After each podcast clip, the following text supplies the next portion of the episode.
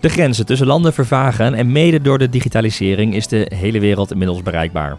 Dat biedt interessante kansen, maar ook bedreigingen, want concurrenten uit andere landen kunnen ook jouw markt verstoren. Hoe ga je om met internationale groei? Hoe ontdek je de potentie en kansen in een bepaald land? En op welke manier blijf je zelf ook overeind in de internationale concurrentie? Leuk dat je weer luistert naar een nieuwe aflevering van de podcast Digital Brains, waarin Daan Lohuis en ik iedere maand in een aparte aflevering uitgebreid ingaan op een specifiek thema. En deze aflevering gaat dus over internationale groei. En daarvoor hebben we uitgenodigd Evelien Knippers, account director bij AdWise en lead op het thema International Growth. Welkom. Dank je. Ehm, een breed onderwerp om over te praten. We moeten dat in een beperkte tijd doen. Dus we gaan proberen om zoveel mogelijk uh, daar, uh, daarvan toch te behandelen. Uh, misschien wel even goed. Hè? Ehm, internationale groei klinkt wellicht ook voor luisteraars van de podcast, gemiddelde marketeers, soms wat ver van hun bed. Um, maar vanuit jouw expertise is internationalisering iets dat zich alleen maar richt op specifieke bedrijven of branches? Of raakt het vrijwel elke organisatie wel? Ik denk dat iedere organisatie er wel mee te maken krijgt. Um, met een paar uitzonderingen daar gelaten. Maar we zien eigenlijk bij AdWise dat natuurlijk binnen commerce uh, en bij brands dat het heel relevant is. Maar ook wel binnen B2B en binnen recruitment dat de grenzen vervagen. En um, binnen B2B is het vaak ook wel relevant omdat er lokale sales uh, hubs zijn in diverse andere landen. En binnen recruitment, nou, waar zit hij zelf dicht bij de grens? Ja. Um, kijken we toch in een krappe markt ook wel al snel naar uh, Duitsland of België. Um, maar kunnen we ook gewoon campagnes voeren in heel veel verschillende landen. Dus ja, eigenlijk binnen alle industries wel, met wel de focus op, uh, op commerce. Ja, want het, raakt inderdaad veel meer. Maar commerce zie je toch wel dat het, dat zijn in ieder geval de bedrijven waar zo'n internationale strategie uh, wat makkelijker is of wat behapbaarder is. Uh, nou, ik denk dat je daar gewoon, als je wil groeien, dat dat wel een van de groeimogelijkheden is die makkelijker te pakken is. Op een gegeven moment ben je toch wel wat verzadigd in de Nederlandse markt wellicht. En als je dan wil groeien, dan is het makkelijk om naar het buitenland te kijken. Ook omdat het steeds makkelijker wordt met alle marketplaces, alle product feeds die je makkelijk kan aansluiten, logistieke hubs uh, door heel Europa.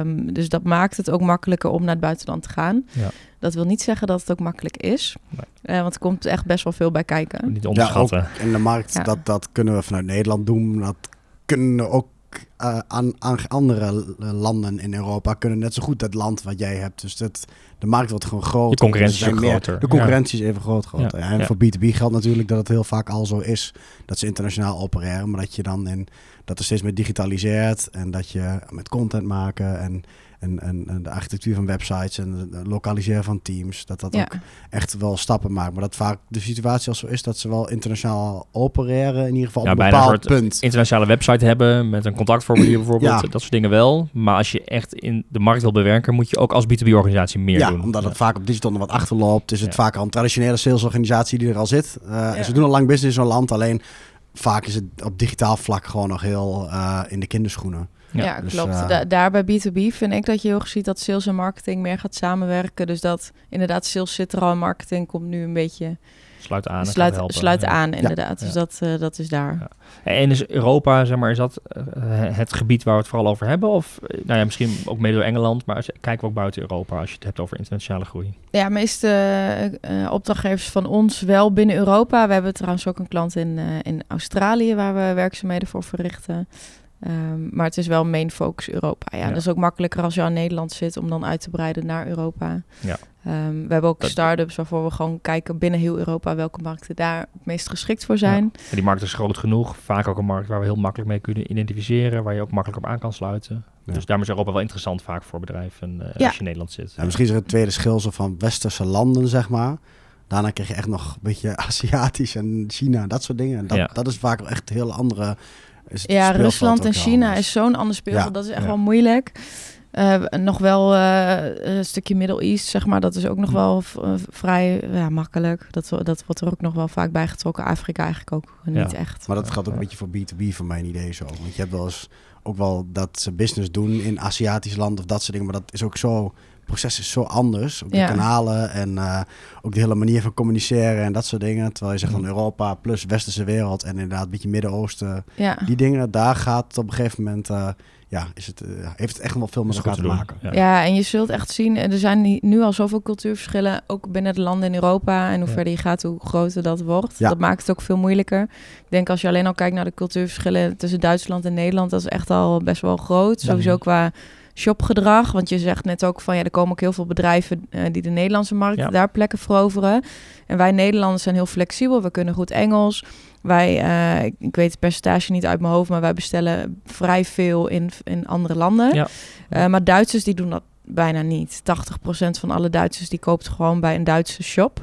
En ook kenmerken van hoe beoordelen of de shop te vertrouwen is. Of ja, UX-elementen die echt anders zijn uh, in Duitsland of Frankrijk dan in Nederland. Maar dan zie je dan, ondanks dat het land een gigantisch potentieel is, is de barrière misschien wel heel erg hoog, omdat ze het heel erg over de lokale shops uh, daar eigenlijk veel meer voorkeur voor hebben. Ja, en ze zijn heel erg loyaal aan een merk ook. Dus uh, wat we ook in Duitsland zien is dat daar bijvoorbeeld veel meer in branding gestopt moet worden. En in België is het trouwens ook zo. Hmm. Dat daar het zoekgedrag op brand is echt vele malen hoger. Waar dat in Nederland veel meer op, op non-branded zoektermen zit. Dus waar ik gewoon een ketting ga zoeken, is dat in België veel meer op een merknaam of vertrouwen. Of, uh, want e-commerce is sowieso in Nederland volgens mij heel uh, zeg versplinterd. Omdat, uh, wat ik, volgens mij in Duitsland is het zo dat Amazon er al heel vroeg was. Ja. Dat in plaats van een hele hoop kleine webshops wat we allemaal in Nederland hebben, is dat een hele hoop al direct in Amazon. Dus het is of groot, of het is Amazon. ja. Maar je hebt heel weinig mid-range webshops, dus daar worden ook veel minder uh, dingen besteld volgens mij ook bij uh, gemiddelde webshops, zeg maar. Ja, de online uitgaven zijn ook wel lager. Ja. Ja. Dus ja, dat, uh, dus dat is, die cultuurverschillen zijn, de, of cultuurverschillen is misschien een beetje een groot woord, maar wel verschillen in online gedrag zijn al best wel groot. En dat geldt ook voor Frankrijk. Dat is echt een hele traditionele markt waar we gewoon heel veel mensen echt letterlijk nog met cheque betalen. Oh ja. Dus die bestellen bijvoorbeeld een stofzuiger bij een klant van ons Bissel. Uh, en daar hadden we een gesprek met die lokale partner. En die zei van ja, we moeten het echt mogelijk maken dat mensen dan via de post een cheque kunnen opsturen. Dat ik echt dacht van, zijn we die jaren ja. is ook even, Je moet heel erg uitkijken dat je niet bepaalde aannames te snel doet. Dat ja. volgens mij ja, ook, hè? Dat je gewoon een markt echt. Ja, uh, als je die ja dus als we die betaalmethode niet aanbieden, ja, dan heb je gewoon uh, eh, 70% van de mensen die hun orde waarschijnlijk niet afrond. Nee. Dus dat is best wel bizar in dat land. Dat is, uh, op een paar uurtjes rijden. Ja, ja. En daarna zie je dat de lo lokale verschillen nog heel groot kunnen zijn. Maar uh, vanuit Europa, vanuit de EU bijvoorbeeld, wordt wel echt gewerkt aan een soort infrastructuur die in alle landen, uh, met name als het gaat over de wat zakelijke kant, dat is al een trend die al een tijd gaande is. Die natuurlijk ook dit soort business makkelijker maken om over de grenszaken te doen. Ja, die, die hebben we een paar keer gehad. Is een rode draad op de achtergrond die niet veel mensen kennen of, of per se zo zien. Maar daar komt de GDPR en dat soort dingen, de cookie-wetgeving vandaan. Maar ook uh, waar marketing minder mee te maken heeft, de belastingwetgeving of het uh, toestaan van, uh, of eigenlijk ook verbieden van geoblocking. Dus eigenlijk mag je als consument uh, als ik in Italië wat bij een webshop wil uh, uh, kopen, zeg maar, dan kon het vroeger zo zijn dat je dan dat niet mocht. En zei je ga aan onze Nederlandse website, bestellen het daar. Ik moet gewoon in heel Europa moet ik overal een product kunnen bestellen en versturen. En tegelijkertijd zijn ook de belastingregels bijvoorbeeld versimpeld voor het cross-border verleggen, van, belasting, verleggen van belasting. Dus het is veel makkelijker gemaakt in de afgelopen jaren om ook als bedrijf internationaal te opereren. Dus je ziet ook dat het een, een, shop heel Europa bedienen zeg maar gewoon makkelijker is geworden. Ja. Wat in het verleden met retourneer van producten of dat soort dingen. Uh, uh, belasting, um, winst ergens wegschrijven. maar ook in de digitale dingen, zoals inderdaad met privacywetgeving. Ja, ja. We ervaren het vaak als een last, de AVG, zeg maar. Maar het was eerder nog veel lastiger. Het want dat over dataopslag was in Italië, moest je weer andere e-mailregels hebben dan in. Dus dat was heel onuitvoerbaar. Ja. Nou kunnen we zeggen dat het nog steeds een beetje zo is in bepaalde mate, maar het is wel gelijk in Europa. Ja, maar goed, het dus- is, uiteindelijk zijn het randvoorwaarden, het is faciliterend. Uh, want Evelien, je schetst net ook al wel gewoon echt de, ja, de praktijk die gewoon weer barstig is met alle verschillende landen um, en, en culturen. Als je even helemaal naar het begin gaat, je, bent een, een, je hebt een onderneming, je hebt een bedrijf en je wilt naar het buitenland. Hoe, hoe ontdek je überhaupt potentie in het buitenland? Hoe kom je daarachter? Um, nou, ten eerste hebben we daar heel veel verschillende tools voor. En natuurlijk ook de hulp van een Google, die heel veel data heeft mhm. van uh, verschillende potentie voor per productgroep eigenlijk. Uh, en inzicht in de doelgroepen en het koopgedrag. Uh, dus ja, daarvoor gebruiken we uh, Google data om te ontdekken welke landen nu geschikt zijn voor je product of dienst. En dan kun je bijvoorbeeld kijken naar volumes in Ja, zoekvolumes, inderdaad concurrentie. Dat is, dat is eigenlijk een soort van quickscan waarmee je begint. Dat, ja, dat, dat is heel makkelijk eigenlijk voor iedere uh, commerce bedrijf. Uh, als je dan helder hebt welk uh, product of, of, welke markten geschikt zijn voor jouw product, dan kun je eigenlijk verder gaan met verdiepend uh, marktonderzoek, uh, nog meer concurrentieanalyse, maar ook bijvoorbeeld je merk. Niet ieder merk is geschikt om zomaar mee naar het buitenland te gaan. En bijvoorbeeld Kaartje to Go is misschien wel goed voor, ja. want het is een Nederlands merk. Uh, dus ja, wat, wat, moeten zij dan doen als ze naar Spanje gaan bijvoorbeeld? Ja, Ga je dan een, heel andere merknaam neerzetten? Of een woord kan in een andere taal een heel andere betekenis krijgen. Ja, precies. Maar ook de vormgeving en hele ja. payoff en dat soort dingen. Van past dat in dat domein, in, in dat speelveld waar je dan in wil stappen? Een nieuw speelveld, ja. Ja, dus dat is, dat is sowieso wel, dat zijn eigenlijk alle onderdelen die dan vervolgens in een, uh, in een go-to-market audit, noemen we dat dan, die daar aan bod komen. Dat, dat we echt eigenlijk alle dingen gaan checken. Ben je klaar om dan bijvoorbeeld uit te breiden naar Spanje? Uh, Is je technische infrastructuur, je brand, je uh, propositie... Um, uh, nou ja, je producten of diensten natuurlijk. Welke, welke high performance qua producten ga je mee de markt op? Of ga je mhm. met je gehele productaanbod direct de markt ja, op? Ja, je kunt prima ook een pilot dat je zegt, we, we kijk, want uh, Duitsland alleen al is gemiddeld gezien, uh, ik ben even het kengetal vergeten, twaalf keer zo groot ja. qua economie als Nederland alleen al. Ja. Dus soms kun je met één productrange al redelijk wat impact maken als je het daar goed doet. Dus je ja, hoeft gelijk volle bak uh, een kopie te trekken van wat je in Nederland doet natuurlijk. Nee, in Duitsland is ook heel groot. Dus je zou daar ook nog kunnen zeggen, we pakken eerst één provincie waar, We, uh, waar we ons op gaan richten, ook qua campagnes. Dus er zijn heel veel mogelijkheden en inderdaad ook distributiekanalen. Van ga ik dan zelf gewoon D2C, ga ik een eigen shop neerzetten? Of pak ik eerst uh, een jaar lang, ga ik via een aantal marketplaces proberen of mijn producten makkelijk verkocht worden? En welke, welk rendement kan ik dan draaien? Ja, dat is wel een groot voordeel voor e-commerce partijen nu. Dat je ja. al, alvast je product kan piloten op een marketplace waar je misschien nog geen relatie opbouwt met je doelgroep. Ze geen first party data hebt of iets dergelijks. Maar wel via Amazon probeert, kan ik dat verkopen. Uh, ja. ja, en dat is dus dan, daardoor, daarvoor is marktonderzoek weer heel belangrijk. Want gaan consumenten in dat desbetreffende land zomaar jouw product kopen van een merk mhm. wat ze niet kennen. En daar, dat is dus bijvoorbeeld in Duitsland is dat een aanname wel wel lastiger dan in uh, Italië of um, Spanje, waar dat minder relevant is. Ja, ja en uh, ik deed nou net voorkomen of het heel makkelijk was even een productje op Amazon gooien. Kijk, ik denk intern ook wel een kritiek op. Uh, in, in, ten opzichte van een heel jaar of een heel, hele marketingstrategie, zeg maar, is het relatief uh, behapbaar om een product uh, op een marketplace uit te rollen. In plaats van dat je een hele shop, hele content en alles.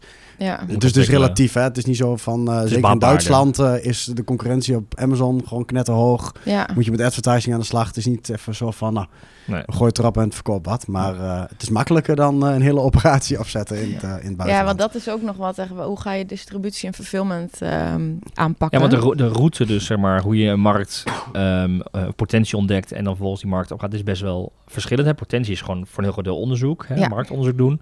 Maar uit, die, uit zo'n onderzoeksfase, dan kun je pas de route goed bepalen. En inderdaad is een, een marketplace wel of niet interessant of moet je het op een andere manier doen. Ja, en ik denk ook de business case. Hè, want als je via marketplace gaat, dan zou het best wel kunnen dat je de business case niet rond uh, krijgt. Omdat je provisie afdraagt. Ja, precies. Dus dat het gewoon echt niet rendabel uh, te krijgen is. Dus dat is ook wel fijn dat we dat van tevoren even goed ja, ja. Vaak goed moet je wel al bijna ook in de rol zitten van in ieder geval een producent of iets waar je waarde toevoegt aan de producten. Niet alleen maar een tussenhandelaar. Een dozenschuiver. Nee, want dat, dan is de concurrentie zo hoog, dan kan iedereen dat doen. En dan waarschijnlijk heeft iemand het al een keer gedaan.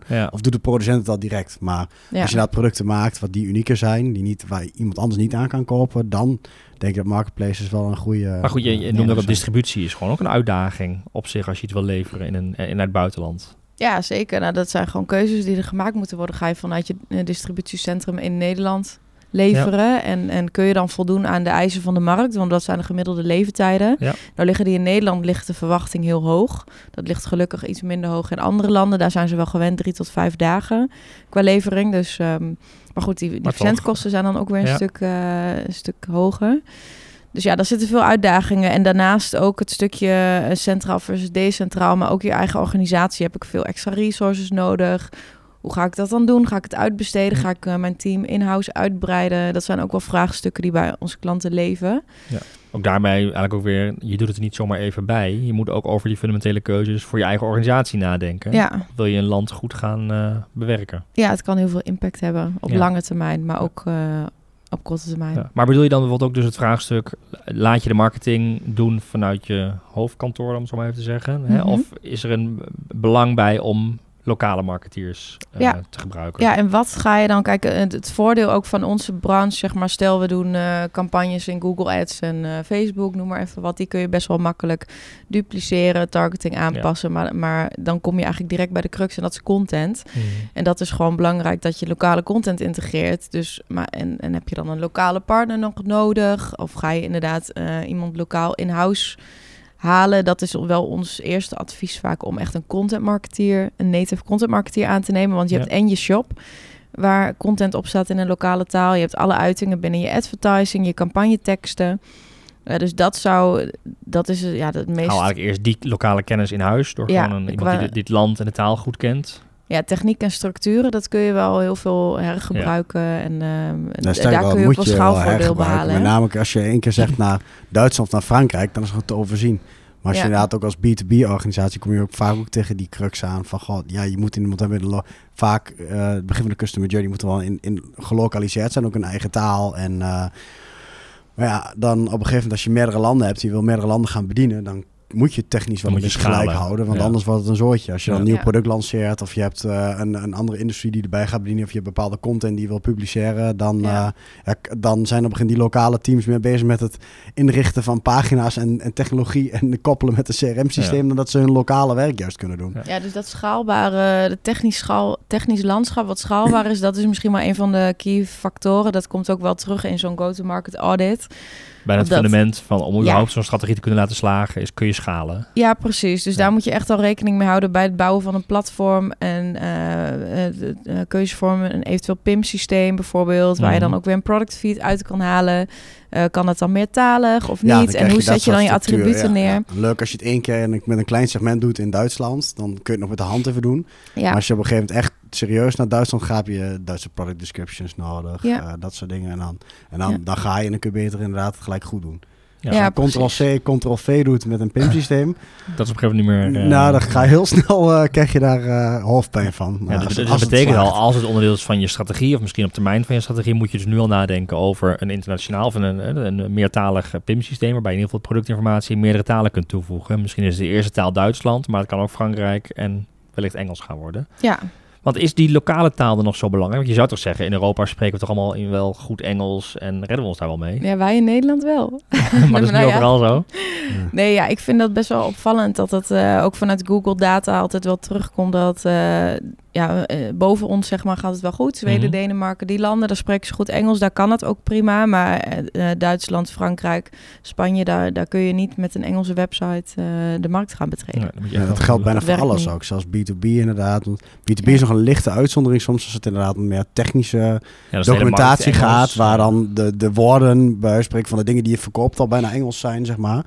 Dan, dan wordt het dan wel een keer geaccepteerd. Maar ook zoals in B2B, zeker inderdaad, wat jij zegt, die landen zoals, eh, ja, een beetje, eh, zeker naar, naar het zuiden toe, maar ook eh, Duitsland en Frankrijk inderdaad, waar je, ja, ook zoals de meest geharde engineers, bij wijze van van technische producten of bij de zakelijke dienstverlening in de financiële wereld, waar ze echt wel gewoon in het Frans of Duits ook aan het googlen zijn.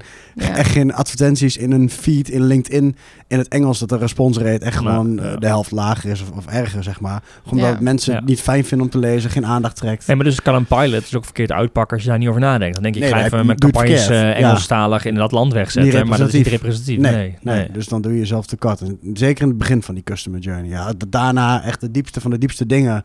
kan eh, wel. over eh, een tabel met afmetingen bijvoorbeeld eh, van, je, van je technische product. bij wijze van Hoeveel koelcapaciteit iets heeft. Ik roep maar wat, wat Ja. top of mind is. Ja. Dat, dat kan dan prima. Dat hoef je echt niet helemaal te vertalen. Dat moet je niet tegen laten houden. Maar dat beginstukje. eh, en zeker voor commerce geldt dat denk ik helemaal. Gewoon, maar ook in B2B is dat beginstukje moet eh, ja, bij een lokale taal zijn. Ja. Ja, en wat dacht je van eh, customer service? Want dat is wel ook Ja. nog vaak Oh ja. een bottleneck. Ja. ja, Nou, als marketeers niet de... Nee, maar dat wordt heel vaak vergeten. Ja, want dan precies, gaat het ja. natuurlijk over de techniek en over eh, je content en over de producten. Maar er komen altijd vragen over producten en over processen. En dat wordt heel vaak overgeslagen. En nou wil het ook nog zo zijn dat vaak in andere landen... In Nederland zijn we ook heel modern via de chat, chat WhatsApp en en, Facebook ja. Messenger en WhatsApp en zo. Maar dat ze daar gewoon de telefoon eh, het liefst pakken of een contactformulier invullen. Dus dan heb je daar ook al iemand nodig die dat opvangt. Ja, anders krijg je ook qua ook reviews... een lokale taal weer, dat iemand ook Ja. de telefoon echt in die taal op kan nemen. Dus, Ja, eh, precies. ja, ja. Anders Ja. krijg je ook heel snel slechte reviews. Of dan, dan Ja, eigenlijk, zodra het dan echt een beetje gaat lukken, dan kilt het zichzelf. Omdat het... eh, ja. Maar ook bij B2B trouwens. En bij, eh, ook niet vergeten, marketing en sales. eh, de opvolging. Hmm. Wie zit er aan de andere kant eh, en, en hoeveel tijd en capaciteit zit erachter? We zien bij best wel wat B2B-bedrijven waar ook wel dan een aanvraag binnenkomt, bijvoorbeeld in een land als Frankrijk. Maar als er dan vervolgens dat door wordt gestuurd naar een Nederlands team met iemand die toevallig wel een beetje Frans kan, is toch een heel ander verhaal dan dat een lokaal salesmedewerker die een beetje de markt kent, die wat relaties opbouwt, die haalt veel meer uit die eh, uit dat soort leads bijvoorbeeld die daar komen. Ja. Eh, dat is ook gewoon in de praktijk een paar keer gezien. Dan dat zo'n lead dan door een Nederlands sales team wordt, of iemand die toevallig Frans kan, zeg maar, wordt behandeld. En even Ja. goed Ja. als, Du- als, eh, als Duitsland bijvoorbeeld. Dus dat is ook wel eens bij dat soort eh, dingen, net als een klantenservice inderdaad. Wat haal je er volgens uit en snapt eh, ook degene van sales wat dan de vraag is De van die lokale gevoeligheid en Ja. ja. ja, de relevantie. Ja. Nou, Best wel thema's waar je goed over na moet denken voordat je dus eh, internationaal gaat. Eh, zie je, Evelien, dat een bedrijf daar soms het, het, het onderschatten? Of gewoon met een vraag komen van, nou, vertel maar even hoe ik naar, eh, naar Frankrijk moet, naar Duitsland moet en eh, regel het even voor me. Nou, ik zie wel dat het onderschat wordt. En vooral bij een, van, eh, een klant van ons, waar we dan direct al performance campagnes zijn gaan doen op producten. Ja. In eh, België en Duitsland. Gewoon, ja. Ja, waar dat gewoon eh, ja, niet rendeerde. En Hmm. dat kan ook niet, omdat daar het merk nog niet is geladen. De websites waren eigenlijk nog niet tot in detail goed, ja, goed ingericht. Dus daar waren echt nog net eventjes die, die, die trust eh, eh, symbooltjes, Ja. zeg maar, nog niet toegevoegd. Ja, Toch echt net het verschil maken. Echt net de kleine punten, ja. inderdaad. Maar vooral ook, je merk is nog niet geladen. En je, gaat, je kan gewoon niet dan dezelfde performance verwachten als in Nederland. Dezelfde Nee. ROAS. Dat is ook Dus- geduld toch? Want verwacht je gelijk dan rendement in als je nog een merk moet opbouwen en een nieuwe markt betreedt, zeg maar. Ja, maar maar dat dat, is wel dat, ligt er tijd. dus aan. Dus dat inderdaad kost ook tijd. Ja. Dus een realistische business case is gewoon heel erg van belang. En, ehm, maar ja, goed, vaak zit er ook druk achter, bijvoorbeeld van aandeelhouders die Ja. gewoon bepaald rendement willen zien in de Ja. markt. En dan moet je wel als bedrijf gewoon echt heel duidelijk, eh duidelijk verwachting afgeven vanaf wanneer ga je winst maken en wat is er voor nodig. Ja, maar het klinkt natuurlijk heel verleidelijk inderdaad. Een beetje copy-paste, een beetje hè, een paar dingen aanpassen en we Dat kunnen is live. natuurlijk wel het dat uitgangspunt waar we de hele aflevering mee begonnen. Ja, van, k- wat steeds makkelijker. wordt Maar dat wil niet zeggen dat je dan in het eerste kwartaal dat je live bent, dan gelijk hup, Nee, dezelfde en het performance wil- haalt als in Nederland. Net wat jij ook zei, het wil niet zeggen dat het dan nog steeds makkelijk is. Het wordt Ja. makkelijker, Ja. het is nog steeds lastig. Ja, voor je Ja. concurrenten Ja. dus ook. En voor Ja. ja. Ja, en ik denk, eh, we zien ook heel veel bedrijven die eh, bijvoorbeeld vanuit Amerika de Europese markt willen Ja. veroveren. Die hebben al een strategie om dat te doen. Dus dat is helemaal niet de vraag van welk land gaan we naartoe, maar meer welke volgorde. Ja, die hebben wel een doel. Ja. En, en- maar daar wordt zelfs ook onderschat hoe toch wel complex het is met de meertaligheid. Want in Amerika heb je gewoon één taal. Die hebben gewoon een, die, die hebben nog niet eens altijd een PIM bijvoorbeeld. Nee. Want dat is niet nodig, want we hebben maar één taal en we hebben, kunnen met de Excelletje af. En dan ga je naar de Europese markt uitbreiden en dan heb je in één keer tien talen. Daar Ja. wordt toch wel de hele organisatiestructuur veel complexer van. En dat wordt, eh, dat wordt ook nog wel eens onderschat. Ja, en de fiscaal, Dus, juridische regels bijvoorbeeld in, in landen, dat verschilt los even van eh, de AVG en GDPR en dergelijke. Maar er zijn natuurlijk best wel ook nog wel grote verschillen in landen. Ja, dan moet ik eerlijk zeggen dat ik daar eh, Ja, niet heel erg diep in zit hoor. Nou, je hebt wel Daarvoor natuurlijk de, toepassing aan. eh, eh, je hebt wel platformen die het ook maar wel makkelijker maken. Pak bijvoorbeeld een Shopify, die heel veel multicurrency Ja, al ondersteunt. ja. Wat Nee, wordt wel makkelijker ja. gemaakt. Maar dat wil niet zeggen dat dan eh, gelijk eh, de financiële afdeling. Maar van, oh, voedingsrichtlijnen, we even, voedingsrichtlijnen rondom voeding of productinformatie dat nog. kan verschillen. Tuurlijk, ja, Eh, dus Europa dat, eh, probeert het recht te trekken, maar ja. het kan wel Ja. verschillen. En dat kan je net Ja. een boete krijgen in het ene land omdat je daar niet aan voldoet. Dat Eh, klopt. We hebben ook één klant en die zit in de Ja. vitamine-industrie. nou, die zijn nu volgens mij al wel een jaar bezig. Dat was ook de eerste resource zo ongeveer die ze aannamen. Dat was iemand van legal, Legal, ja. en compliance. En die moest inderdaad zorgen dat alle producten compliance werden voor de Europese markt. ja precies. En, want als je dat niet voor elkaar hebt, dan kun je inderdaad de markt niet opgaan. Dus dat is echt wel een heel groot ding. En dat, eh, ja, daar staan wij dan ietsjes verder van af. Maar dat speelt bij hen wel. Voordat Ja, we überhaupt marketing kunnen gaan doen. Dan Ja. is het eerst je stuk legal compliance. Dan moet je zorgen dat je fysiek in de winkels komt. Dat je, dat je een stukje Zichtbaar, marktpositie ja. gaat eh veroveren. Een stuk zichtbaarheid. En pas dan komt eigenlijk het stukje digitaal. Ja, ja, moet je nagaan. Ja. Want je noemde inderdaad nu ook een aantal keer toch het belang van een brand. Hè? We hebben het heel vaak over producten en Mhm. ja, je kopieert je plak, je zet het eh, gewoon online. Maar het belang van een merk, zei je een aantal keer, dat wordt ook heel vaak onderschat. Merkbekendheid, vertrouwen. Ja, vooral omdat dat in een aantal landen om ons heen veel belangrijker nog is dan in Nederland, waar we niet per se altijd heel erg naar een merk kijken, ook vaak Ja. meer naar prijs en snelheid en eh, andere en kwaliteit.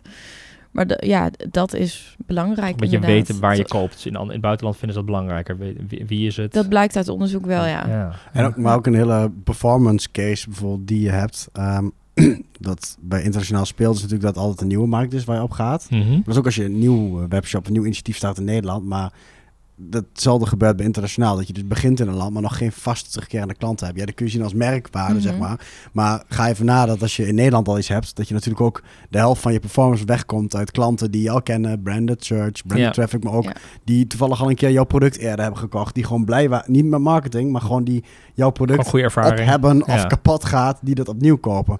En die heb je dus allemaal... niet representatief uh, nee, voor de nieuwe markt. Dat komt er straks allemaal nog aan als je succesvol bent in het buitenland, dat die eerste gebruikers van je product weer het product gaan kopen. En mhm. dat, dat, ja, dat kun je met, ja, dat kun je met marketing niet voor elkaar krijgen. En dat, dat, dat soort effecten duurt gewoon een tijd voordat het op gang komt. En voordat je dat in je performance denk ik ook terug gaat zien. Ja. En dan bedoel ik performance in de bredere zin van het woord niet van we gooien een euro in ads en er komt 8 euro uit. Maar nee, ook gewoon de, van de organisatie. Ja, de onderstroom van vaste klanten die terugkomt. En dat moet ook een beetje op gang komen. Als je dat niet meerekent in de business case, dan denk ik soms ook wel eens van huh, hoe krijgt een concurrent dat van elkaar? Als je die onderstroom van vaste klanten weghaalt, Dan, Wat, dan is het gewoon in één keer geen case meer. En dat kost tijd. Ja.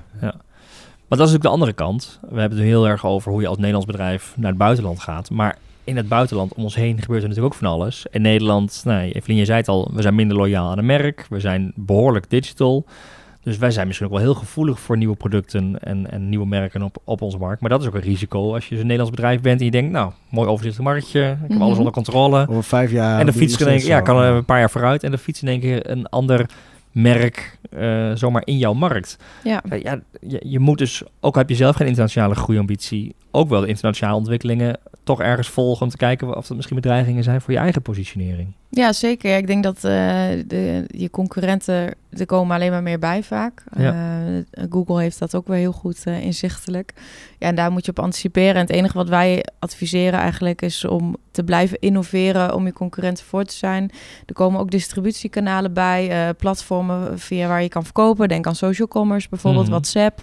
Uh, die, uh, daar kun je ook via, gewoon via verkopen. Dus wees je concurrent voor en blijf innovatief. Ja. Maar je kan het niet tegenhouden, want het gebeurt toch. Maar je wilt inderdaad als een concurrent via een social platform in één keer gaat verkopen, wil je daar ook zijn. Dus je wilt wel die hele breedte blijven afdekken. In ieder geval dat er op zijn minst concurrentie is. En dat je er in ieder geval zelf bent uh, als een ander op staat. Ja, precies. Daarom is de, die innovatiedrang binnen e-commerce denk ik ook heel groot en ook nodig omdat je anders, uh, er komt er een tijdje uit China, weet je, die zijn al daar, dat social commerce is mega groot daar. Die kopen allemaal al via WhatsApp en via mm. Snapchat en weet ik veel wat er allemaal is, WeChat. ja, en als die, die hebben die techniek al, die komen in Nederland. En uh, generatie Z gaat helemaal aan. Die, uh... ja. En het merk wat hier eigenlijk dominant is, ja, kan zomaar weg zijn. Ja, dan verlies je zo 10% van je, van je marktaandeel bijvoorbeeld. en vooral als je een beetje MeToo-product hebt, niet uniek bent of niet in de waardeketen die extra marge hebt. Uh, kijk, als je lokaal verankerd bent, dat je fysieke diensten levert bijvoorbeeld, of hè, in de B2B ook, als je fysieke service teams op de grond nodig hebt, zeg maar, dan wordt het een ander verhaal. Het zijn barrières voor toetreders. Ja, echt barrières. Heb je ergens een, een positie in die waardeketen, als je inderdaad, noemen we wat, gewoon een, uh, op dit moment een distributeur bent. Uh, en dat je denkt, ja, maar wij hebben de Nederlandse markt. Wij zijn dat distributeur. Ja, dan moet je op gaan letten. Want dan kan het zomaar zijn dat een... Ja, of er zijn exclusieve rechten bijvoorbeeld. als je die niet eens hebt... Dan kan het zomaar zijn dat een, uh, een Duitse partij die twaalf keer zo groot is als jij... want mm. ze zitten in Duitsland, dus even denkt van... nou, hé, hey, we gaan ook eens even via...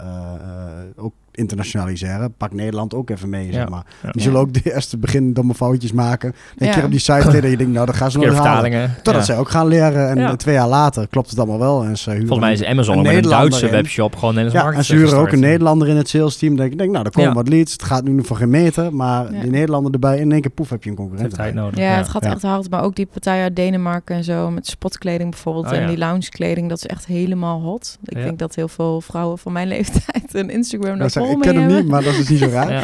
Nee, maar echt uh, opvallend veel ook uit, uh, uit Denemarken. Oké.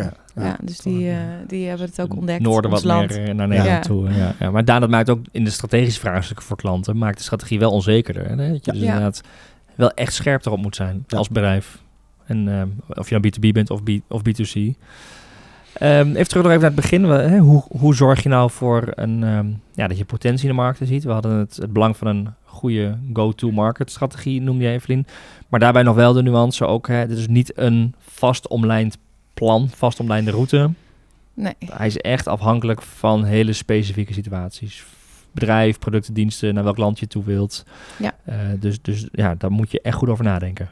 Ja, absoluut. Dus ik zou iedereen adviseren die wil groeien om gewoon eens te beginnen met gewoon heel klein even een potentiescan.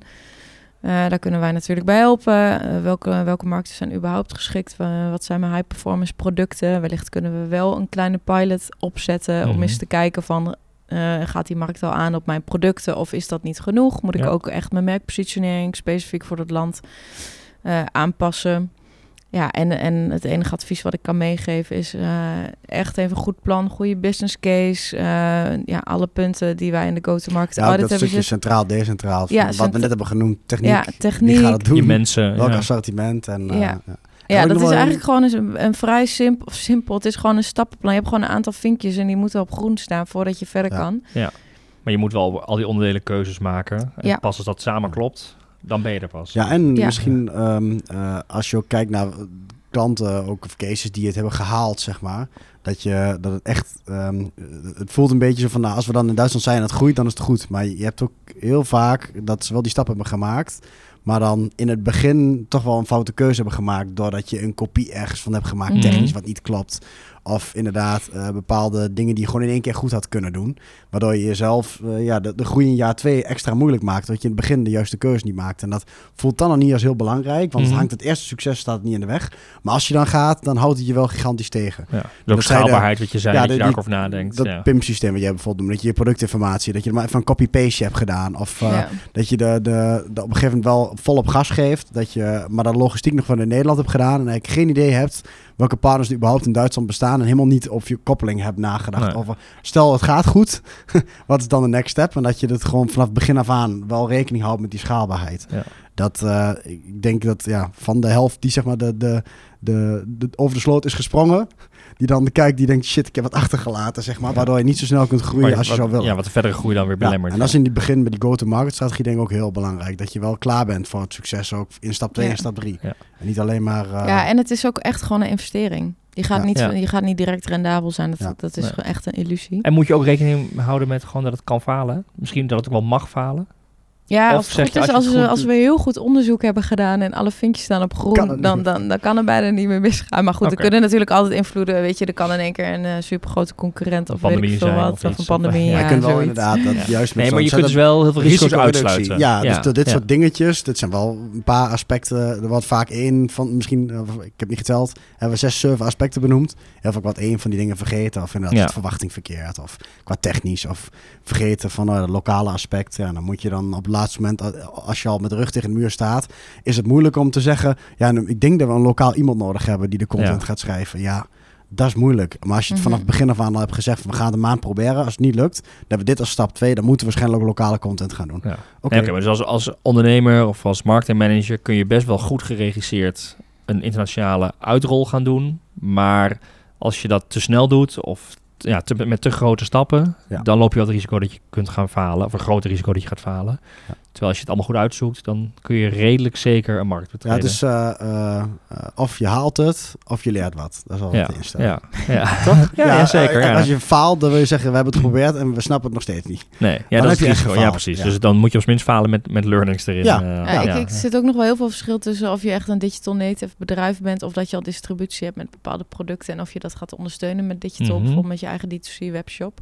ja. Want dan ken je de markt ook al beter en Ja, dan zit er ook veel minder ja. risico. Dus Hoeveel is- balans zit er in het digitale? eh, Ja, precies. Ik heb toevallig dat net ik heb het boek Ja. van eh, Booking.com, hoe die Oh ja. hebben veroverd. Maar die zijn ook groot geworden. Dat is gewoon een sales team.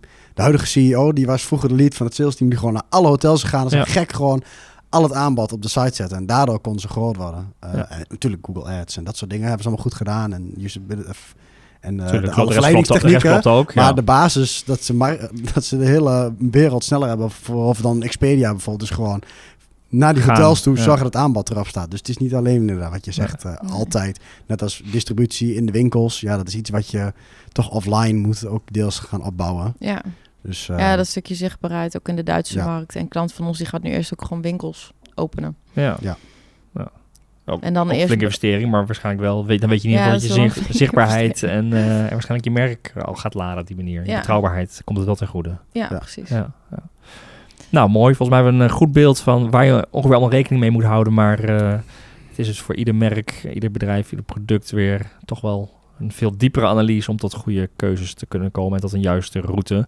Eh, wil je meer over dit onderwerp eh, weten, eh, dan kun je wat interessante blogs en artikelen vinden in onze show notes. Die vind je op advice.nl slash podcast. Heb je tips of vragen naar aanleiding van deze aflevering? Of heb je leuke reacties of ideeën voor een volgende? Laat het dan weten via podcast.advice.nl. En wil je af, nieuwe afleveringen niet missen? Abonneer je dan op deze podcast via je favoriete podcast-app of via Spotify of YouTube. Dan kun je nog ook andere thema's terugluisteren en ook nieuwe thema's dus eh, blijven volgen. Of gewoon onze puls met eh, altijd het laatste marketing eh, nieuws. Voor nu bedankt voor het luisteren en heel graag tot de volgende aflevering.